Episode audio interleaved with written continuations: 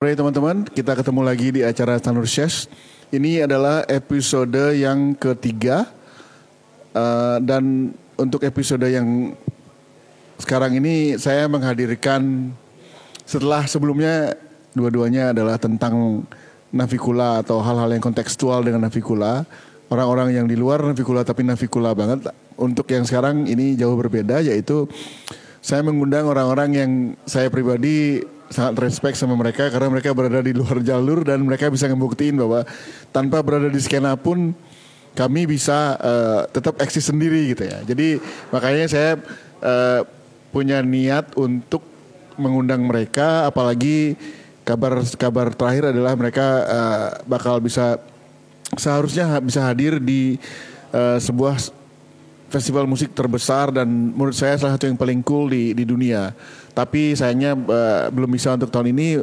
Semoga tahun depan uh, bisa ya, karena nama mereka udah udah ada di daftar uh, para pengisi acara. Dan uh, saya secara pribadi juga saya uh, cukup dekat dengan orang-orang uh, ini dan apalagi setelah saya cukup dekat itu saya jadi cukup punya keyakinan bahwa bukan cukup ya saya punya keyakinan bahwa memang mereka memang pantas untuk menjadi besar karena mereka memang uh, punk rock in their own minds gitu ya. Jadi selamat datang untuk teman-teman Gaber Modus Operandi. Ini ada Kas Halo. dan ada Ican. Terima kasih udah datang uh, cek, cek, cek. dan ini uh, saya agak sulit ya untuk mengundang mereka di awal karena uh, ada kekecewaan nggak bisa hadir. Nggak bisa hadir tahun ini dan bisa nggak main nggak ya bla bla bla. Akhirnya mungkin karena uh, kedekatan kita masing-masing dan uh, cukup bisa berhasil saya untuk meyakinkan mereka come on man let's just play you don't you're not gonna play in front of uh, nobody. Ya. Maksudnya ada nggak nggak bakalan banyak uh, audience di sini gitu. Jadi uh, terima kasih sekali lagi ini Salut yang episode ketiga. Sebelum kita mulai, saya mau ngucapin terima kasih untuk uh, arak samsara dan uh, ini adalah arak yang favorit saya dan mari kita bersulang dulu dong. Cheers guys, bersulang. Oke. Okay. Masih Islam. Selamat sore, uh, sore Kas, sore Ican. Sore, sore teman-teman. Uh, sore Mas Bro. Mas eh. Oke, okay, uh, sore netizen. Uh, Oke, okay, um, terima kasih sudah datang dan saya senang sekali uh, kalian berdua sudah mengiyakan untuk uh, tampil di di sini walaupun awalnya penuh keraguan gitu. Kenapa ragu itu itu dulu deh itu dulu deh sebelum kita mulai hmm. ya kalau alasan pertama sih agak depresi gak sih kemarin tuh kita kita ke cancel uh, tour kedua kita yang lumayan banyak itu 24 gig kalau nggak salah selama 24 gig selama tiga bulan shit, ya. Man, 24 gig. 24 gig. Dan itu katanya masih terus terupdate gitu. Cuman ya, dan dan terutama juga uh, jenis yang kita bawakan itu sangat fisik sih, sangat butuh audiens. Oh iya. Yeah. kayak lebih interaktif kali ya. Iya. Iya iya iya. Interaktif banget karena uh, selama ini kita perform memang energinya itu bukan sebenarnya bukan dari kita aja tapi dari audiensnya juga. Oh, ya, karena wah itu penerapan penerapannya adalah audiens merupakan bagian dari performance juga. Hmm. Briefnya tuh cuma 10% kok kita gini gini gini 90% itu udah nah. kadang-kadang saya nggak tahu dia Ican ngapain itu beneran jadi kalau misalnya biasanya setelah konser wah keren waktu kalian gini kayak uh, kita nggak tahu sih sebenarnya apa yang terjadi gitu karena pure rata-rata improv ya. ya karena Tesi dari Sri Mulat iya. mengatakan yeah. ya improvisasi Sri Mulat itu begitu besarnya karena mereka juga setel, waktu mereka menampilkan Sri Mulat itu hampir 70% improvisasi. Yeah, yeah. Saya terinspirasi sekali dari Sri Mulat. Sama I'm a big fan of Sri Mulat.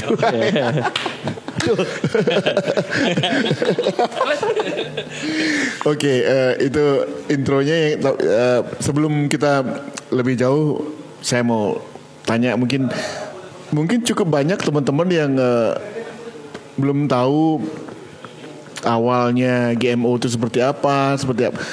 mungkin cukup banyak yang tahu tapi di kalangan kalian aja gitu ya. Saya akan balik lagi ke hal-hal yang cukup uh, mendasar. Jadi GMO ini berdua adalah Kas dan Ican. Kalau Kas sendiri saya tahu dulunya adalah uh, United by Haircut, Squad Punk Rock and everything dan uh, si Ican si Ican uh, aku dengar dari teman-teman Jogja bahwa kamu adalah seniman visual atau apalah. Jadi memang nyeni banget gitu. Dan bertemu di Bali jadi sesuatu yang sama sekali baru dari identitas kalian masing-masing ini menarik banget. Bisa diceritain nggak awalnya? Uh, mungkin kas dulu ya. Kan kamu pindah ke Bali, terus uh, nggak langsung GMO gitu dan setauku kamu, uh, aku ketemu kamu, kamu udah, udah ahli banget bikin playlist apa segala macam dan bergaul sama anak-anak dan dan nge-DJ. Akhirnya sampai GMO. Mungkin yang pertama ketika kamu tiba di sini dulu deh. Uh, saya pindah ke Bali itu kan sebenarnya kan nggak sengaja waktu itu proyek desain. Ingat nggak okay. ambulance dan pasar? Oh itu kita ketemu di situ. Iya iya iya. Jadi gara-gara itu kamu pindah gitu nggak? Iya jadi ada uh, ada waktu itu ada desainer jagoan namanya Stefan Sackmeister. Oh iya iya iya. Uh, waktu itu dia dia kayak bikin sabatikal di Ubud dan ngundang kayak tiga tiga orang Indonesia ada slot untuk uh, untuk magang gitu selama sabatikalnya dia. Jadi di, di, di dibagi selama tiga tiga orang tiap orang per semester gitu. Nah saya itu kloter terakhir, saya itu kloter terakhir uh, bareng Stefan. Maksudnya kamu dapat semacam beasiswa gitu? Enggak sih, itu biaya sendiri. Cuman waktu itu waktu dia sempat ke Jakarta dan saya masih saya masih masih lumayan rock-rockan, pang-pangan gitu. Belum elektronik musik sama sekali waktu itu. Dan saya emang dulu lebih ke graphic design. Yeah. Saya graphic designer dan menggilai artworknya dia. Saya dia yang bikin Talking Heads, semua artworknya Talking Heads. Iya iya iya, iya Dan lurid gitu. Jadi pas dia waktu bikin seminar di Jakarta kayak kayak konser rock gitu. Saya ke belakang panggung minta tanda tangan pak tanda tangan pak. Gitu. Saya punya bukunya dia gitu kan. Yeah, yeah, yeah. tanda tangan terus yang oh oke. Okay. terus entah kenapa kita bisa ngobrol kayak sekitar lima menit terus mungkin karena saya lumayan ganggu terus dia bilang kayak oh gini deh ini email saya dia ngasih ngasih yeah, yeah, yeah kartu nama yang sebenarnya itu lumayan besar ya efeknya ya untuk untuk untuk sekelas sebesar dia ngasih na kartu nama ke saya. Iya iya iya. Ya. dia ngasih kartu. A artinya udah udah ranah personal gitu kan? Iya terus dia bilang kamu kirim email ke saya, saya nanti mau ada sesuatu di Ubud dan dia nggak ngejelasin apa apa. Dan waktu itu saya masih kerja di TV waktu itu saya masih kerja di Antv waktu hmm. itu sebagai motion graphic. Terus saya iseng-iseng ya saya kirim aja gitu. Dan saya dipecat dari dari perusahaan saya terus lagi sedih-sedih semingguan gitu tiba-tiba dapat email uh, Segmeister Inch uh, you you chosen to go to Bali with us to doing some interesting project. Like wah gila sih. Udah malam besoknya saya packing saya berangkat ke Bali. Waktu itu saya bokek banget minjem duit temen. Terus yang saya mau ke Bali ngapain? Nggak tahu nih ada project desain. Dan saya end up di Ubud sekitar enam bulan. Itu oh. ngerjain. Cukup itu duit, duit, duit pinjaman cukup atau Uh, enggak, oh di di di magang itu dikasih duit saku. Oh, oke. Okay. Nah, di situ saya ketemu Kang Aib almarhum. Oh. Nah, Kang Aib itu kayak kamu siapa gitu. karena saya lumayan low key waktu itu karena yeah. kayak ada dua orang desainer Indonesia yang lain tuh lumayan cemerlang yeah, dan yeah. sampai sekarang gitu ya. Yeah. Yang satu ingat saya kerja bikin logo buat Indonesia pariwisata yang merak itu. Pokoknya desain banget lah dunianya hmm. waktu itu. Terus saya bilang, e, saya dari Tanjung Priok. saya uh, sekarang yang jadi akhirnya saya lumayan deket sama Kang Aib kontak-kontakan waktu itu masih mata merah waktu masih di Denpasar ya. Iya, emang monjol ya. Terus dia bilang e, main-main lah ke Denpasar kalau pas hmm. lagi uh, uh, senggang. Nah, tiap weekend tuh saya ada waktu senggang selama enam bulan saya di 2009. Saya turun ke Denpasar nongkrong bareng Uh, dan Kang Aip waktu itu jadi ketua uh, ya Bali Creative Community ya. Sama Adgi kalau nggak salah, Asosiasi juga, Desain iya, Grafis iya, Indonesia. Nah, saya hangout di situ terus tiba-tiba mulai deh, oh nanti ada project namanya Ambulance Denpasar. Nah, untuk imigran kayak saya yang langsung dapat guest list orang-orang keren. Jadi waktu itu saya langsung langsung saya lupa tuh pokoknya prosesnya tiba-tiba saya end up saya, Ridwan, Marlo, Blidetu juga Iya. di di tengah lapangan Denpasar eh, Pak Yudane, Iya. almarhum Kang Aib, eh, Budi Hara, Budi Hana ya, pelukis. Ya si eh, ya beli. Ya, pokoknya kita tiba-tiba udah mabuk gitu. Terus yang ini sama saya saya, saya paling muda saya ingat Iya, saya. iya, iya. Kok saya bisa di sini gitu. Terus yang yang lain tuh ngeliatin, "Wih, kamu nongkrongnya sama sesepuh-sesepuh gitu." Wah, saya nggak tahu gitu. Saya tahunya mabok aja. Iya. ya udah habis itu eh, eh, saya cuma bilang eh, oke saya pindah ke Bali cuma modal satu backpack Eh, dan saya dapat kerjaan di sekitar Canggu waktu itu saya pindah saya ngekos dan dulu saya ngekos itu sampai zamannya Bali masih 150 ribu per, ha- per, per bulan 2009 Anjing. di Glogor Carik itu ada kosan 150 ribu bareng Bamba Gerahadi ya habis itu eh, akhirnya eh, di kosan saya eh, satu kosan sama Mistral di Jasmine Oh, oh iya, iya, iya, Ya. iya, iya, iya, iya. Nah, eh, miskin, miskin, miskin, tapi astral. Miskin tapi. ya, ya lucunya itu eh, eh, eh, hubungan saya dengan musik elektronik sebenarnya nggak sengaja karena teman kosan saya kebetulan Oh, Mistral itu, oke. Iya, jadi sebelah kamar dan kita deket banget dan saya saya tahu nggak menurut saya nggak ada DJ cewek sekuat dia ya Se- selain tenaga. Juga eh, karena saya dia udah ngelakuin itu dari umur 14 tahun di Bali.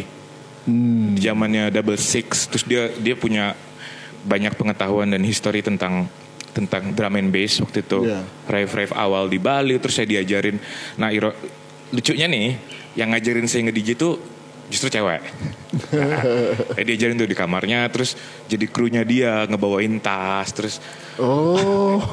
iya kalau lagi kalau lagi sepi nih dulu saya inget tuh zamannya eh, kalau main di apa namanya embargo ya Margo ya. Embargo dia main di atas gitu. Masih sepi nih setengah jam. Kamu main dulu. Nah saya main tuh. Nah di tengah-tengah itu baru mulai saya belajar belajar musik produksi Eh, lewat ya standar lah software bajakan dan kawan-kawan gitu. Eh, YouTube yang pasti. Eh, sampai ke tapi menurut saya waktu itu juga masih masih ini ya masih masih kesepian sih jujur aja. Karena eh, secara selera eh, eh, di di Bali Selatan kan sangat pariwisata jadi kurang bisa mengakomodir yang saya pengen gitu Iya, iya. jadi saya sama Mistral kayak bikin bikin malam waktu itu namanya Adultery selama enam tahun Saya gratisannya. Nah, ini gratisannya. Dia dia tuh selalu fetis pengen jadi MC, MC bahasa Inggris gitu-gitu. Bukan, Ustadz sebenarnya. Itu anjingnya diajakinnya ke sini kan.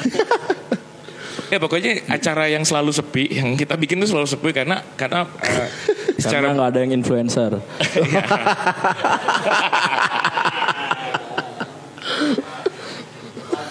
tapi dari situ juga sih kita kita mulai belajar. eh, saya pribadi mulai belajar kalau eh, saya mau main lagu yang orang nggak suka. Iya, iya. At least itu itu kalau Pas misal ketemu berarti berdua ya. ya cocok udah yang eh, Oh saya kebalikannya, saya memainkan lagu orang yang paling nggak suka.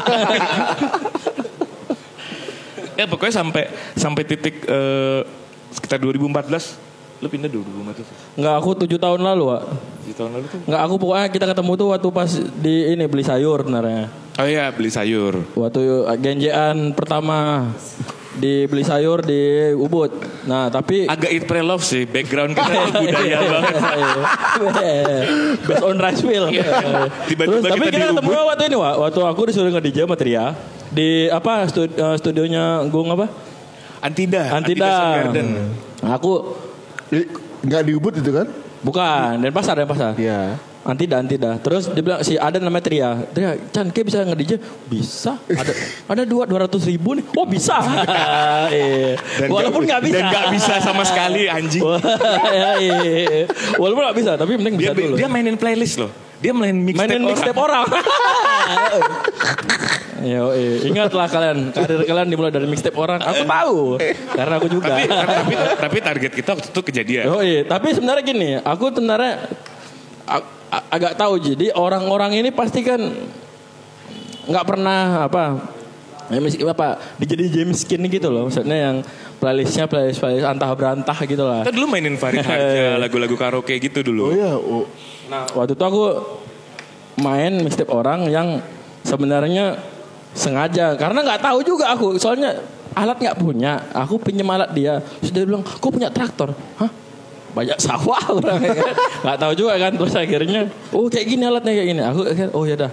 Mainin lah mixtape orang. Ada waktu itu mainkan Talking Head. Mungkin keberuntungan kita tuh karena koneksinya Talking Head. Aku lihat dia pojok-pojok Wow, di sebelah yeah. kanan Fuck, joget-joget-joget Talking Head ya kan gitu kan. yeah. terus habis itu udah lagu keberapa Aku cekin lah, siapa yang bawa talking head? Eh, eh. Bang, bang, sini bang. Gak bisa aku main itu. Aku MC aja terus.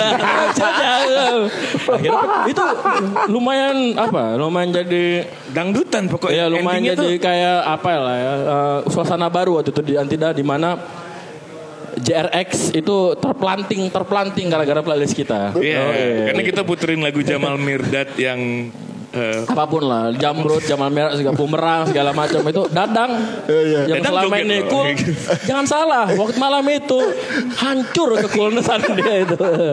Di balik la- apa di balik genderang bumerang itu. Nah, di situlah kita koneksi. Nah, Oh, eh, tapi sebelum sebelumnya memang belum pernah ketemu. itulah dibeli sayur dulu. Dibeli sayur, abis Beli sayur, ketemu ya, random. Eh, tapi di beli sayur itu cuma ngobrol-ngobrol biasa aja. ya gitu ya. habis itu di situlah kita mulai ada koneksi oh ini sableng juga mungkin kan gitu Iya iya iya. Terus abis itu di booking habis itu. Kalian mau main lagi nggak kayak?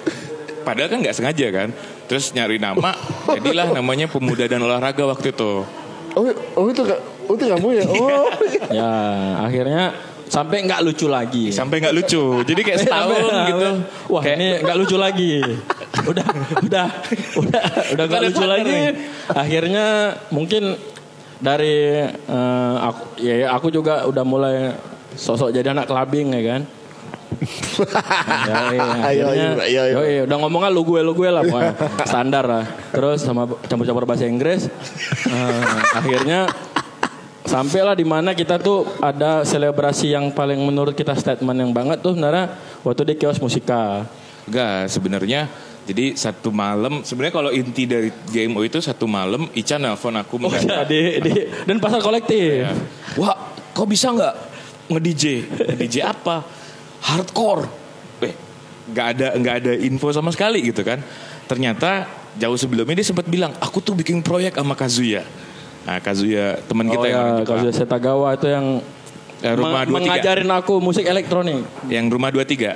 Ya, ya. Ah, namanya Wrong Cookies. Mereka mau bikin DJ hardcore.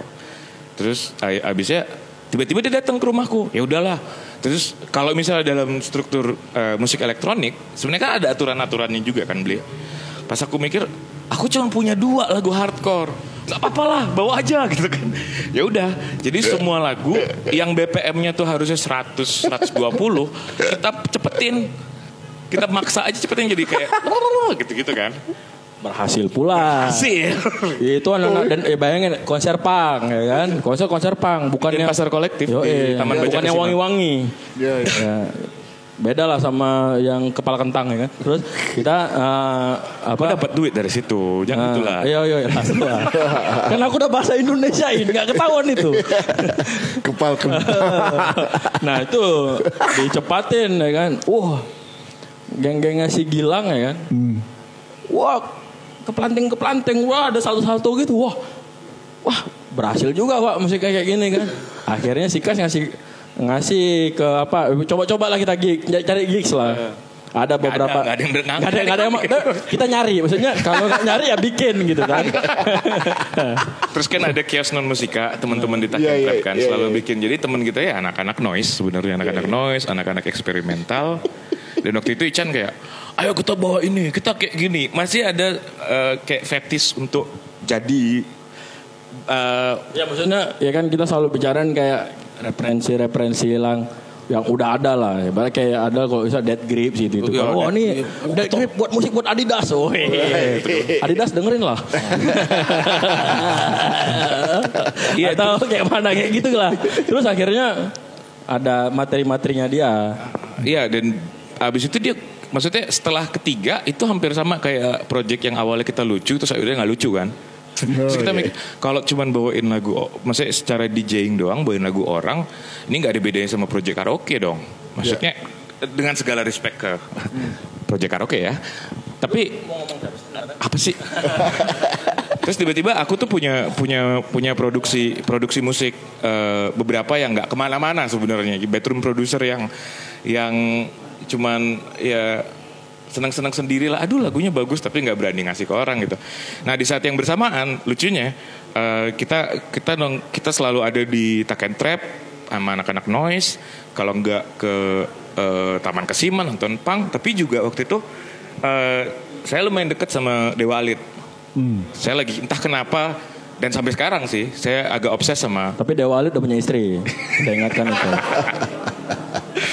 Jadi agak agak ada ada obsesi tersendiri waktu itu saya sempat sempat sempat juga dekat sama Swentra Jegok dari Iya, iya. negara. Nah pokoknya ada riset yang bikin ah ini ada ada ada ada titik ketemunya nih antara antara advance-nya musik elektronik sama primalnya musik-musik budaya gitu.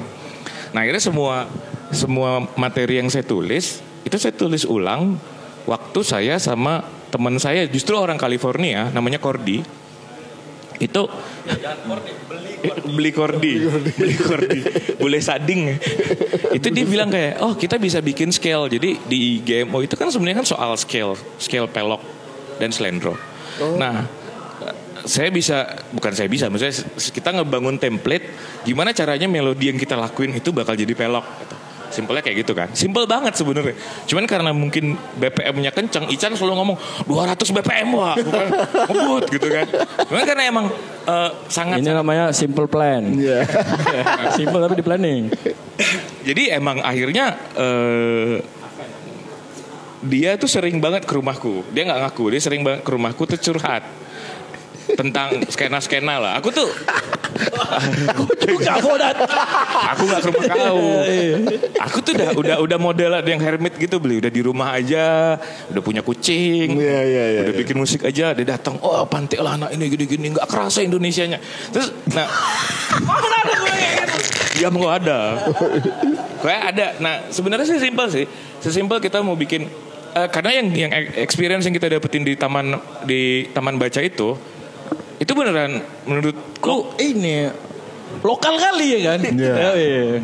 Bahasa tubuhnya lokal, cara ekspresinya kan kita ke- kelihatan tuh mana yang kepengaruh boiler room. Ya, iya. mana yang udah Iya iya. iya. Aku yang pertama aku. Ya, agak-agak ga- global gaul gitu lah. Ya, jadi pas kita mulai nulis lagu masing kita nulis lagu gitu. Chan, ini ada beat nih. Wah. Terus jadi gini, brief brief GMO itu sebenarnya gampang banget. Kayak Ican tuh tiba-tiba ntar wah, aku lagi di pasar kereneng nih. ya kan? Tadi ngirim nih, ngirim video tukang obat. Yang eh, gimana? Kayak Kayak kayak saya kata ya. satu ilmu satu guru yang yang diaduk sampai ke sini sama-sama cari nasi. Ya, kayak gitu, gitu lah kan. Nah terus aku di rumah Intonasinya, Terus aku di rumah, marketingnya itu. kita bikin, bikin lagu lah tentang tukang obat gitu. Iya. Dan akhirnya ya sepakat kalau kalau musik yang kita bikin ini kita kita coba ngedapetin eh, feeling yang kita dapetin di Taman Baca Kesiman waktu itu, yang rumah banget gitu rasanya. Iya.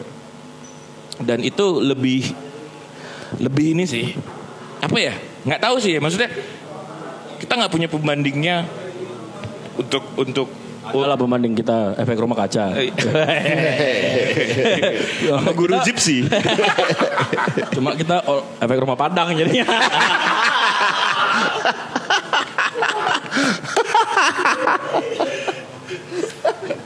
Daripada rumah dinas ya kan. Lanjut kan? Efek rumah sakit kompleks. Iya, iya. Lanjut, lanjut, lanjut. Ya jadi pokoknya kalau secara musik kita nggak punya brief yang berat sama sekali. Kita beneran yang kayak ah, aku, aku lihat tukang obat keren kali rappingnya. Tukang obat tuh kita anggap rapping gitu.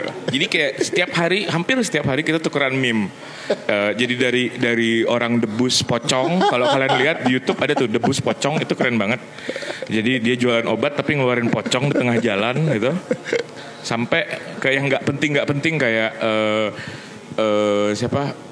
Misalnya Akhirnya kita mendapatkan lah di mana itu visual berlakulah lokal sebenarnya kamu ek global Iya. Cie. aku jarang-jarang nih tiba-tiba tiba-tiba ngomong kayak gini ya, eh, tapi se- sebenarnya kita eh, terima kasih untuk eh, thanks to Samsara tapi belum sampai di situ harusnya udah sampai di situ. Iya, iya. Nggak, nggak, kita pulang flashback aja nggak apa-apa. Iya, enggak. Ini eh, ini sebenarnya tentang eh, masih so- soal kas dulu. Belum belum belum belum global nih. Nah, jadi akhirnya kamu ketemu dia di eh, sayur-sayuran tersebut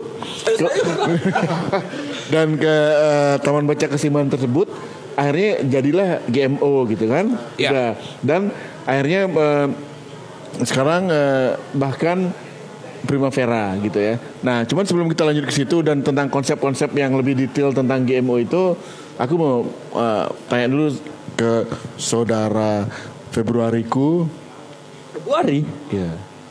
Kenapa Februari? Maret ya? Freddy. Glenn Freddy telah satu bulan. Berakhir di Februari. Kalian as kalian syarat. Nah, Ican, eh, aku udah dengar nama kamu dari teman-teman Jogja yang dekat-dekat lah ya. Dan eh, Siapa tuh Roy Dead Vomit? Dan ke- kamu kenapa akhirnya sebelum teman-teman eh, tahu tentang GMO kan paling nggak setelah tahu sejarahnya bisa mengkontek kontekskan satu sama lain gitu ya. Jadi eh, kamu kapan pindah ke sini dan dan kenapa pindah dan eh, kemudian sayur-sayuran sama dia itu ya. ya. Sayur-sayuran tuh sekarang konotasinya udah entah ke mana-mana. ya tujuh tahun lalu lah ibaratnya. Karena aku apa pindah ke Bali Karena visa ditolak, dukun tak bisa bertindak. Eh, biasa, duit dah habis, akhirnya ya udahlah sampai sini aja. Eh, mencanangkan untuk menjadi seniman, toh akhirnya gagal. Jadinya seni boy. Agak turun sedikit. Maksudnya itu tadi akhir akhirnya sampai di Bali tuh ya gagal cuma visa ditolak itu. oh kamu punya rencana Berusaha untuk eh, jadi TKI dulu. naik kapal pesiar atau apa? Apa? Naik kapal pesiar Seng, ya, TKI-nya tuh apa eh, untuk eh, masang tegel. Senista itu aku bro. kijau kijau. Eh, Australia. Oh, Nah, nike, nge. Singidang terus akhirnya eh, ya udahlah ya, cang coba di sini dah.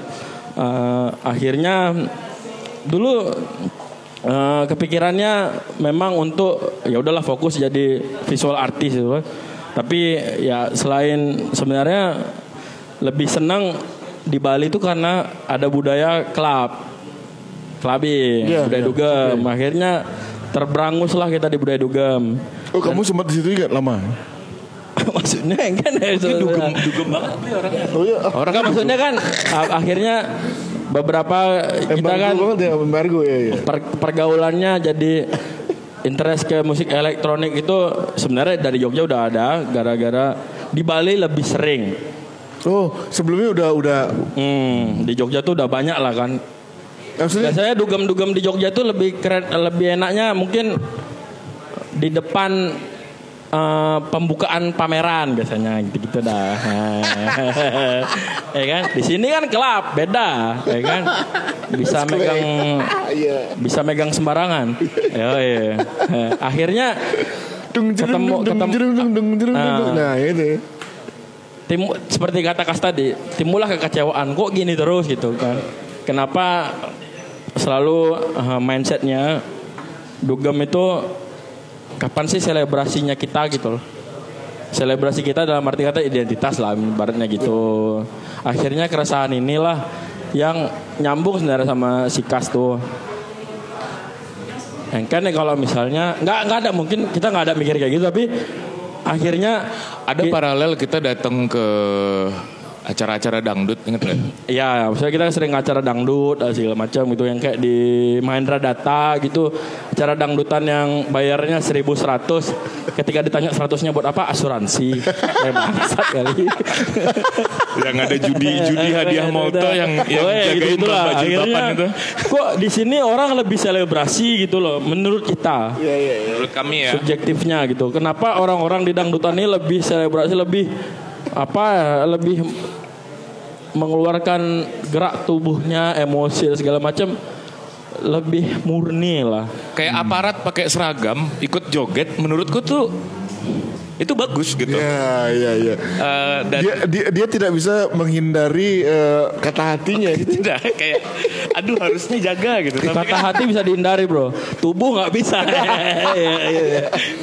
Eh, gila barangnya jelek banget ya. Ya, ya. Gue gak suka Ah. sama barangnya tapi Nah, itu udah akhirnya- badan goyang Eh, keresahan itulah yang akhirnya mengkoneksikan aku sama si Kas gitu. Misalnya Engken nih kalau misalnya selebrasinya lebih sebenarnya kita nggak mikir ke situ tapi entah mungkin ini namanya apa ya eh, chemical Ya, ya, ya. Natural selection ya. ya, ya. Nah, akhirnya itulah akhirnya kita mem- eh, nggak memutuskan tapi berjalan seiring kita dapatlah namanya formula si GMO itu sendiri di mana kita menselebrasi bahasa-bahasa tubuh kita yang kita dapat di dangdutan, kita dapat di taman baca kesiman, bahasa-bahasa tubuh yang di mana ketika kita nge-DJ bumerang gitu bahkan seorang dadang pun terhancurkan kekerenannya kan gitu. Belum pernah kan lihat dadang nggak keren ya kan? Kita pernah oh, iya. Dia eh, dia adalah eh, Dadang tamu pertama kita di acara itu Sanur dah Ya maksudnya. pas dah. cool kan deh cool kan Dah, iya. cool kan Cool. cool banget tapi ketika bumerang berkumandang jangan salah Iya. ngom- ngomongnya selalu begini kalau Dadang ngomong selalu kayak gitu. Ah, iya. Iya, menurutku. udah maksudnya Iya. chemistry itu yang sebenarnya mengkoneksikan kita Uh, iya dan dan ya menyambung yang Ican menambahin yang Ican ya, omongin tadi sebenarnya ya itu problemnya ada. Kita sebenarnya juga karena mungkin dua-duanya eh, seperti kata manajer kita waktu nulis nulis eh, resensi album pertama mereka ini sebenarnya nggak ada nggak grassroots grassroots banget. Kita bukan orang-orang grassroots banget. Justru kita Ya. kelas menengah yang dari kampus dari institusi kreatif Ya. yang tahu kalau misalnya problemnya itu apa gitu. Dan kita nggak pengen bikin mau jadi kayak apa. Cuman kita tahu kok eh, ratusan malam yang kita lakuin itu kadang-kadang cuman selebrasi eh, yang agak nihilistik gitu. Terutama menurutku di di seputaran eh, Bali Selatan ya Ya. kayak eh, eh, pengen tiba-tiba keluar aksen Jack Jack English gitu. Actually, Jakarta Jakarta Inggris gitu loh. Bro. Jack Jack kayak kau kan Eh, Jakarta yang Ya. dari mana lo dari Jakarta. Ya. Kalau bule yang nanya where are you from Jakarta langsung ganti gitu kayak. Ya. Jacksul Jacksul. Iya, Eh, maksudnya- enggak enggak enggak enggak Oh Jacksul. You're not from Jacksul? enggak jadi Nggak cuman maksudnya eh, untuk kita pribadi itu problem. Untuk kita pribadi ketika kita punya pembanding, wah yang tadi aku- kita bilang kok di dangdutan orang bisa lebih luas ya, lebih lebih bisa dapetin gitu. ya. Ekspresif gitu ya. Iya. Nah pertanyaannya apakah apakah selanjutnya waktu itu Ican juga kan dan masih sampai sekarang ngomongin tentang pos alay. Waktu dia ngomongin pos alay itu untuk saya pas bikin musik juga langsung oke ada ada tawaran futuristik di situ. Kalau dari dari dari alay itu ngasih imaginary masa depan alay. Ya, ya. Memberi harapan lah ya. Enggak ada juga harapannya Enggak juga. Harapan Cuman nggak ada. alternate ending gitu, Ble. Iya, iya. Oh, oke. Iya.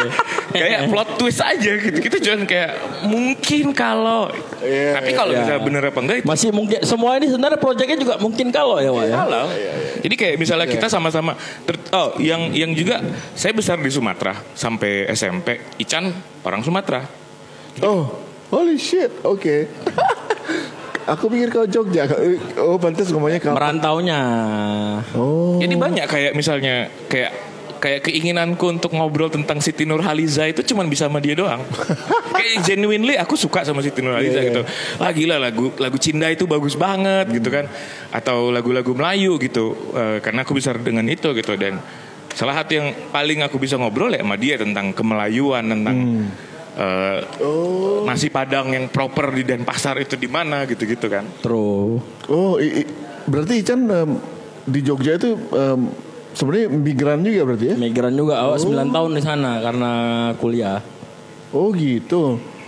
Eh, eh, tapi pe- pra pra Jogja kamu se- eh, sama musik elektronik udah udah deket juga. Awak waktu di Jogja tuh kenal musik elektronik dugem-dugem gitu tuh sebenarnya gara-gara pembukaan pameran kan dulu. Ada kayak Iya benernya di Jogja tuh kalau dibilang eh, agak ke depan untuk masalah musik elektronik penempatannya di mana, itu Jogja tuh udah di pembukaan pameran mungkin Itu karena bukan, ya, bukan, bukan, bukan pameran, itu bukan musik elektronik, itu, itu eh, house tung. nggak maksudnya eh, di Jogja tuh akses dugem untuk masuk ke klub ya di scanning lah. Orang-orang kayak kita nih nggak mungkin ya kan. Keringat berlebih berlebih ini kan. Nah akhirnya Yang udah mabuk dari luar itu kan. Iya. Muka-muka agak anpariwisata gini kan. Akhirnya Eh, upah minum- selebrasinya di Muka-muka upah minum provinsi lah ya. Kalau anak Jogja bilang argobel, arek golek beling. ya gitu. Walaupun akhirnya ketemu sama budaya dugem di Jogja, sampai eh, Jogja itu sendiri budaya ya kalau kita bilang budaya dugem di Jogja kan sampai mereka punya Parkinson segala macam itu kan. Tapi sebenarnya kalau budaya ke generasi kedua kami ini, yaitu karena di eh, pembukaan-pembukaan pameran itu budaya DJ itu ada gitu loh. Karena mungkin sela- selain murah, ya kan? gratis. Iya. sama bisa request, ya kan gitu. Oh, iya. Ya, iya. Akhirnya eh, ya budaya itulah yang eh, di Jogja itu kan udah bisa request berarti udah bisa menyamankan diri dengan frekuensi yang dipilih oleh DJ. Nah, dari situ tuh ketemulah sama si Kas waktu kita di eh, Antida itu. Sebenarnya ada di mana natural body itu natural apa ya? Natural feeling gitu loh kan. Di mana bahasa tubuh itu nggak bisa nggak bisa nggak bisa bohong. Kau diputar SID itu kan, ya kan. Itu eh, kelihatan kok itu yang selebrasi itu anak dan pasar pasti. Ya, ya iya. Iya iya iya. Kok kita sempat buat nafukula dubstep tuh, walaupun nggak dipedulin sama nggak dipedulin tuh, tapi kelihatan tuh kle baksa dia nafukula di dubstep ci. itu kan udah udah itu natural apa ya natural Iya, gitu natural feeling celak, nah, iya, iya, iya. apa namanya common sense gitu kan jadi ki- cobalah ini rasa-rasa ini di dibangun di kreatifnya GMO sampai terpikirlah kita itu Tapi nggak dibangun-bangun banget. nggak sih. dibangun tapi kan Nggak- karena dipikirin. tadi ada tercetus pos alay kayak mana ya al- iklan alay alay 10 tahun leng- 10 tahun lagi engken nih kan akhirnya kita bentuk lah gitu kan imajinari itu gitu kan dan akhirnya sebenarnya stepping stone kami yang paling mempengaruhi kami bayangin beli kita tuh main cuma di tuck and trap Speakernya kawinan, speaker settingan kawinan. speaker, speaker kawinan. Terus main di Denpasar kolektif, ya engkel lah tiga, tiga kali atau lima empat kali lah. Tiba-tiba kita memutuskan untuk membuat karya dan me- menuliskan album gitu kan. Dan oh, dan albumnya juga Rilis lah sama via WhatsApp. Ya, bro. rilisnya lah sama si Yes No Wave. Dan itu lewat WhatsApp. Ah. Oh iya iya. Terus kan, iya sam- saya kirim sama Wowo. Wowo, iya. Wowo Jero. Terus akhirnya Ndi lagumu sik Leonardo kata kata. "Ah, Mana nih lagu? Oh, translate ya. Biar kayak bahasa Inggris. Terus Where's your uh, another song, man? Iya, iya. Eh, kan Wowo kan suka ngomong bahasa Inggris. Terus eh, akhirnya Dia WhatsApp aku. aku kirim lewat WhatsApp. Nah, akhirnya kita keput terjadilah itu rilisan si Yes No Wave itu dengan problematika dulu sebelumnya sebelum nama GMO itu namanya Pukima ya karena Puk- iya. Pakai X3 ya, beli biar karena keren. Puximax ya kan biar eh, karena biar back and hardcore man ya. terus karena namanya Pukima itu sendiri ya ber eh, dengan konfrontasi gender. dengan berhubungan dengan gender dan segala macam Pukima ya kan akhirnya Oh, iya. si Wo bilangin oh like, suwe mbok ganti nama cancuk iya. aku ngomong karo feminisme biaya iki bajingan nah eta eta akhir akhirnya kita mem- eh, memutuskan untuk menjadi namanya Gebar Modus Operandi dan dapatlah kita panggung di namanya eh, Nusa Sonic di Jogja. Jogja. Dan kebetulan itu jadi festival pertama elektronik ek- eksperimental Bukan eks- bukan elektronik sih, eksperimental. eksperimental musik South Asia ya. pertama kali Eksperimental ele- elektronik tapi ya. Enggak, enggak, enggak. Sebenarnya eksperimental. eksperimental apa pun. Tapi salah satunya adalah elektronik. Ada malam dugem gitu. Iya. Ada malam dugem yang nama kita tuh di situ gitu. I- i- itu karena jasa Walks the Rocks berarti ya? Ya, Wardro yang memilih kita sebagai dia kurator. Oh. Sebenarnya hub- hubungan sama Walk the Rock juga sebenarnya kan bingung kan. Kalau Ican emang udah temen udah lama. Tapi kan Aku nggak temen wah sama dia. temen. Dia pengen temen Iya, sama Dia temen aku. ya, ya. cuman kan sebenarnya kan eh, Aku yang temennya aku. maaf maaf maaf. maaf. sebenarnya kan dua-dua kita berdua nih sebenarnya juga eh, sama-sama penggila senyawa. Jadi sebenarnya kalau misalnya ada urutan kalau nggak ada senyawa, kayak kita pengen jadi senyawa nih, cuma nggak ada bakat pasti. Cuma modal laptop gitu kan. Dan maksudnya Sih nggak ada skill. Jadi jujur aja 2014 ya. eh, kita bawa senyawa ke sini, Ican nge-MC-in di sana dan ada bro bangsat. Sing ada cang. Ya. oh sebelum kau berarti. Ya, ya. Itu bukan kau ya? Pokoknya eh, kalau aku sih, kalau aku pribadi ya, ya senyawa dan dan Yes No Wave itu sebagai label impian gitu. Iya iya iya. iya. Tiba-tiba WhatsApp ajaib dia datang, eh mau dirilis sama Yes No Wave nggak? Wih, aku kan mau nangis kan, kayak yang bener kirimin audionya, kirimin lewat WhatsApp. Gitu. Gak ada fancy-fancy emailnya itu ntar lah maksudnya. Nah itu udah akhirnya stepping stone kita di situ Nusa Sonic dan Yes No Wave. Di mana kita habis manggung di Nusa Sonic adalah namanya ini direktur Boiler Room ini namanya si Mikael Stangel. Bener nggak aku ngomongnya? Ya, pokoknya gitulah. Ada di situ. Nah, di situ dia dia main habis kita. Setelah kita main, dia bilang ini, kok bahasa balik kalian harus kalian musik apa tuh kata dia gitu nah. gitu kan bilang kayak aku main apa bes kayak gitu kan Eh, ya saya ya saya nawang li kan gitu kan.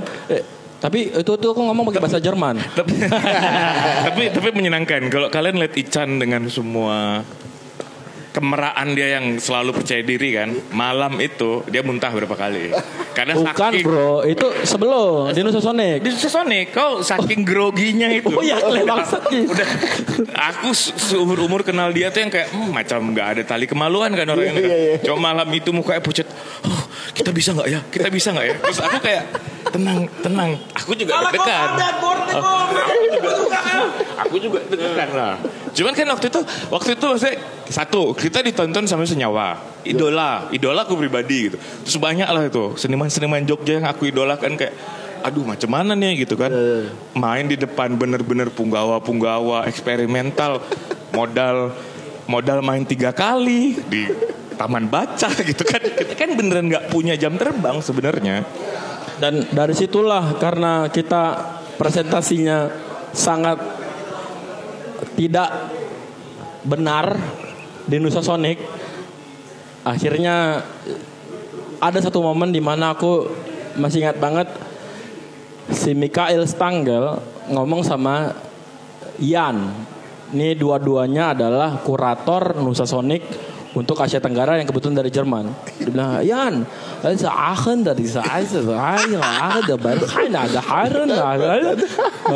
Ya, terus tiba-tiba eh, si Mikael ngomong, guys, you definitely go to fucking Berlin. You go to fucking, uh, you go fucking Berkhain. Oh, I'm like, yes, of course. Ya kan? Kita udah kayak, ya ngerti Nggak kan. percaya lah beli tetap nggak percaya karena habis kita Ya. Obrolan itu dipecel lele juga gitu Ya, kan oke, akhirnya dari situlah dari Februari eh, kita main di Februari. Enggak kita main September cok Oh, September iya, iya. kita main September. Jauh kali Februari sampai September. ya, terus k- karena album kita secara teknis tuh jelek banget. Jelek banget. Secara teknis ya lagunya bagus. Oh ya, ya, ya. Cuman teknis karena semuanya kita cuma berdua nih. Pakai gimana lagu ini? Yang penting kenceng kan dulu tuh kayak wah ini gitu. Iya.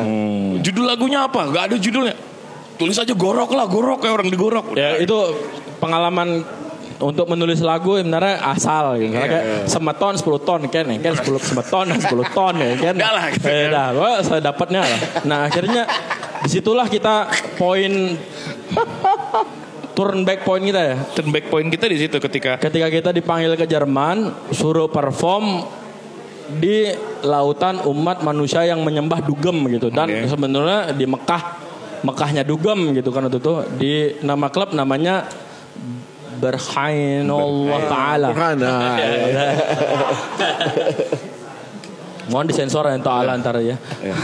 iya dan eh, setelah itu sih setelah itu ternyata eh, sebenarnya abis itu di waktu paralel saya itu sebagai DJ selalu main sering mainin musik yang agak nakal terutama musik-musik dari kayak geng-geng Cino itu loh geng-geng Shanghai jadi kan ada gerakan-gerakan eh, new musik eh, klub baru ala-ala Asia eksperimental Eh, yang jadi label kita berikutnya di album 2 itu. Nah, lucunya aku tuh selalu kayak ah, jadi Yes No Wave itu label impian. Subcult itu juga label impian kami kan.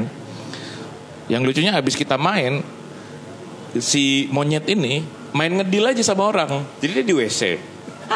Dia lagi ngantri di WC ada orang, bro, I like your music. Would you like to be in my record? Yes, gitu kan. Dah. Kan yang bikin produksi kan aku, aku nggak tahu apa-apa sampai besok. Wah, kita rilis nanti sama nggak tahu tuh apa namanya. Enggak. Dikoreksi, dikoreksi. Jadi aw- abis di main di klub ini, Wak. Enggak, enggak mau kayak gitu. Jadi awak di toilet ya kan. Wah, habis main nih. Saatnya having fun. gitu. Cari barang-barang dilarang di Indonesia ya. Toilet, ketemu orang orang Cina kayak kacamata. Bilang, "Wih, karena sesama Asia ya kan ya. Yang lainnya boleh boleh tinggi tinggi mau orang hitam lagi ah itulah eh, kan oh, eh, orang Asia nih kan sama eh, bro eh, punya apa bro Eh, kan. Weh, kok yang main tadi ya? Kayak gitu kan. Ini di mana nih? Ini di mana? Hah? Ini di mana? Di, di WC di klub itu. Oh, di Ber- Berlin ya. Ah, di WC di klub itu. Wah, wah, kok yang main tadi kan ya? Kau yang main tadi. Eh, kok yang kok yang main tadi ya? Wah, eh, toilet toilet toilet. Udah akhirnya, eh, eh, naskah kecil, mak, le, caci le, sing ada lagi. Akhirnya, eh, kayak tak kenalin dah sama apa timbal cang gitu kan dia punya record label gitu kan panggil semua orang. Panggil. Datang orang itu kata kata Oh iya. Dipanggil. Udah, udah masuk satu, satu toilet lah. Toiletnya cuma satu kali satu, tapi di dalamnya ada 8 orang. nah di situlah kita akhirnya wah, wah guys, fuck man, bla bla bla bla bla. Engken nek kayak masuk nah eh, itu rekod, cang punya rekod nah, no, sabkal. Kle, cang punya cang teringat tuh sabkal tuh. Langsung wah. Si si ini yang bilang si orang Filipin tuh ya eh, Kalib. Ah, Kalib. Ya terus dia bilang oh of course. Di situlah kita ternyata sebenarnya cang dikasih nawak ya kita sabkal ini apa dia nggak tahu Pokoknya kalau kayak gitu-gitu dia Oh gitu ya. Kayak kalau subcult itu kayak misalnya eh, apa ya? Eh, kayak misalnya kalau untuk anak mudanya di Asia gitu kayak kayak eh, Victory Record untuk hardcore di zamannya gitu ya. iya, iya, Karena emang lumayan lumayan bikin revolusi di di zamannya. Di- Ya itu timeline kita gitu. Terutama untuk artis-artis Asia. Terus yang bikin deal dia, aku lagi aku lagi nggak tahu aku lagi minum gitu. sebenarnya nggak deal cuma ngomong-ngomong aja itu Ya, iya. Delapan orang bro Tapi kau kan udah udah utang. Kamu sub, kamu subcult ya? itu kan udah utang. nggak nggak gini bahasa kamu sabkal deh ya itulah eh, akhirnya ya kita dirilis sama label Cina yang ternyata di saat yang bersamaan label Cina itu beneran lagi dapet sorotan besar. Momennya. Momennya lagi lagi besar banget dan kita kita tuh kayak In in terms of electronic ya. Nah itu sampai aku tanya sama sama Wowo kan, Wowo yang lebih ngerti kan, atau dia lah dia memang lebih ngerti. Sampai aku tanya itu kok genrenya itu apa sih kata kan? Kok kayak gitu semua. Bro, sekarang itu namanya deconstructed club music. Claire. Apalagi itu deconstructed club music. terus kita masuk ke dalam genre deconstructed club musik yang kita sendiri nggak tahu genre kita apa sebenarnya. oh Nggak, gitu. Karena kita juga Ican tuh selalu ngomong kita bikin geber geber geber. Iya, tapi sebenarnya kan formulanya geber sendiri itu kan ada kan. Sebenarnya nggak bikin gamer coba. Iya sih. Hardcore. kan metal. Cuman ya itu karena pas eh, ketika kita mulai produksi gitu, kita kayak rekaman, rekamannya cuma modal berdua pakai laptop colok-colokan gitu. itu beneran kayak ah kalau misalnya kita bikin eh, bikin bikin yang udah ada nggak seru kita bikin yang karena pos alay tadi semangatnya kan pos alay Ya. sesuatu yang belum bukan belum ada kalau belum ada kan kayaknya kesannya kita Gejala-gejalanya. Iya kita cuman oh kalau misalnya orang di klub orang jatilan gimana ya ceritanya. Maksudnya imajinasi kayak gitu sih beli. Karena kan kita balik lagi, alay itu adalah identitasnya itu. Alaynya itu adalah identitasnya kita gitu. Gimana mengaplikasikan identitas ini ke budaya dugem misalnya gitu.